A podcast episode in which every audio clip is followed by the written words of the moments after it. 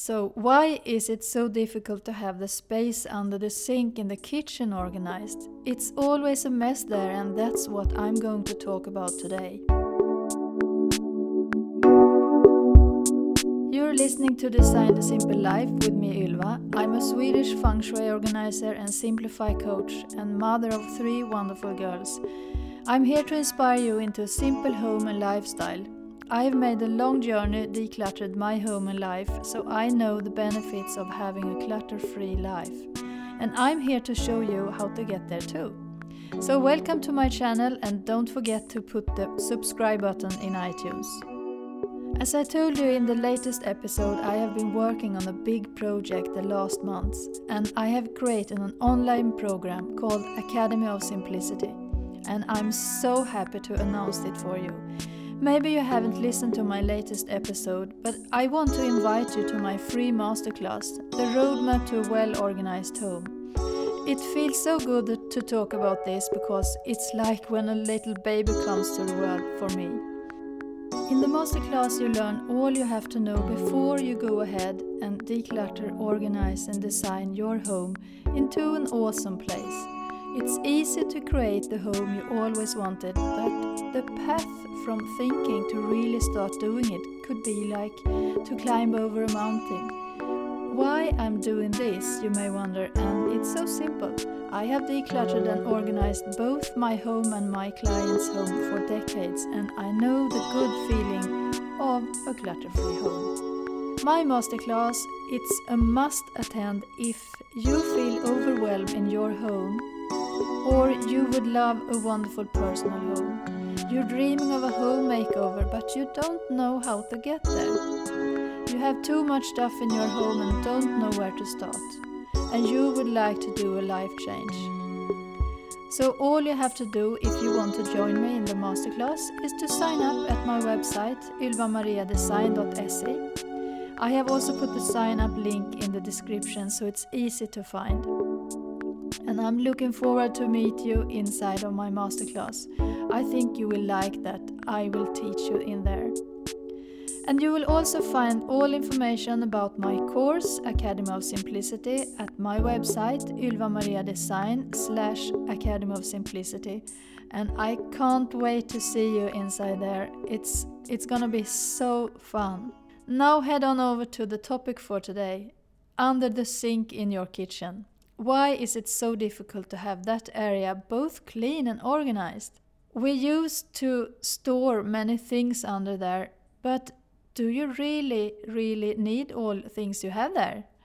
For example, we often think that we need so much cleaning products, but we don't. That's just the cleaning companies that have told us for years that cleaning products are the only solution. Is it really the only solution? There are so many options to make your own cleaning products, which also are more sustainable for the nature, the animals, and all human beings. Do you believe me if I tell you that you only need one cleaning product?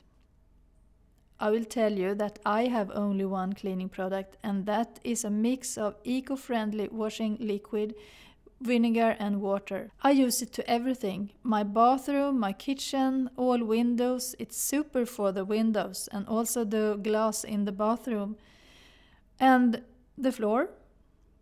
And if you're interested, I will give you the recipe in the description here. It's so good and makes all surfaces shiny and clean, so you can get rid of all cleaning products once for all and just use this. I have it in a vinegar bottle and have put a spray function to it. That's all you need to have a clean home. If you want, you can add some drops of your favorite essential oils for a good smell, but it's not necessary.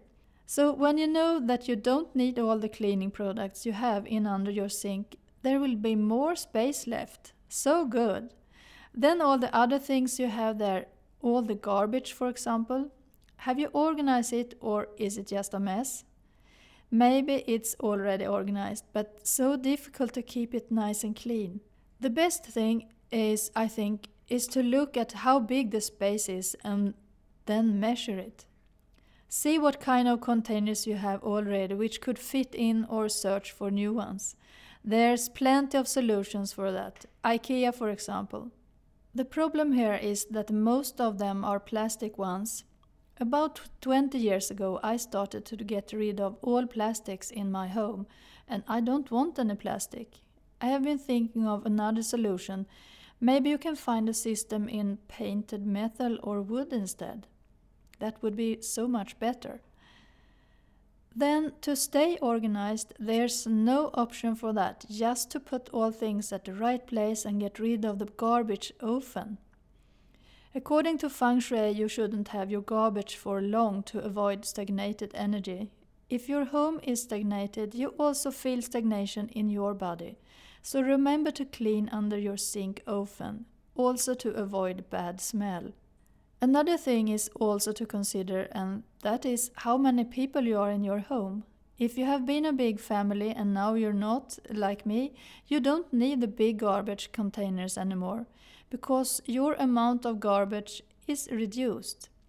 Then you can change them to a smaller one and then you get more space in under your sink. You can also think about if you need to have all your stuff there or if you could put something elsewhere in another cabinet or in your laundry room if you have one. So there's many things you can do to improve that area and once you have that organized you will feel so satisfied. If the space isn't either fresh, you could paint it inside for a fresher outlook. That will make a tremendously change. So, haven't you signed up for my masterclass yet? It's time to do that now. You have only one time option left, and that's next Wednesday. And just go to my website ylvamariadesign.se or look for the link here in the description. I hope this episode gave you some inspiration to give your space under your sink a little makeover. And don't forget to subscribe to my channel, and I would also love a review in iTunes. So, thank you so much in advance for that. And also, if you're interested in my new course, Academy of Simplicity, go and visit my website ylvamariadesign.se slash Academy of Simplicity. I think you're gonna love it. So, that was all for today. Take care, stay simple and happy. See you soon.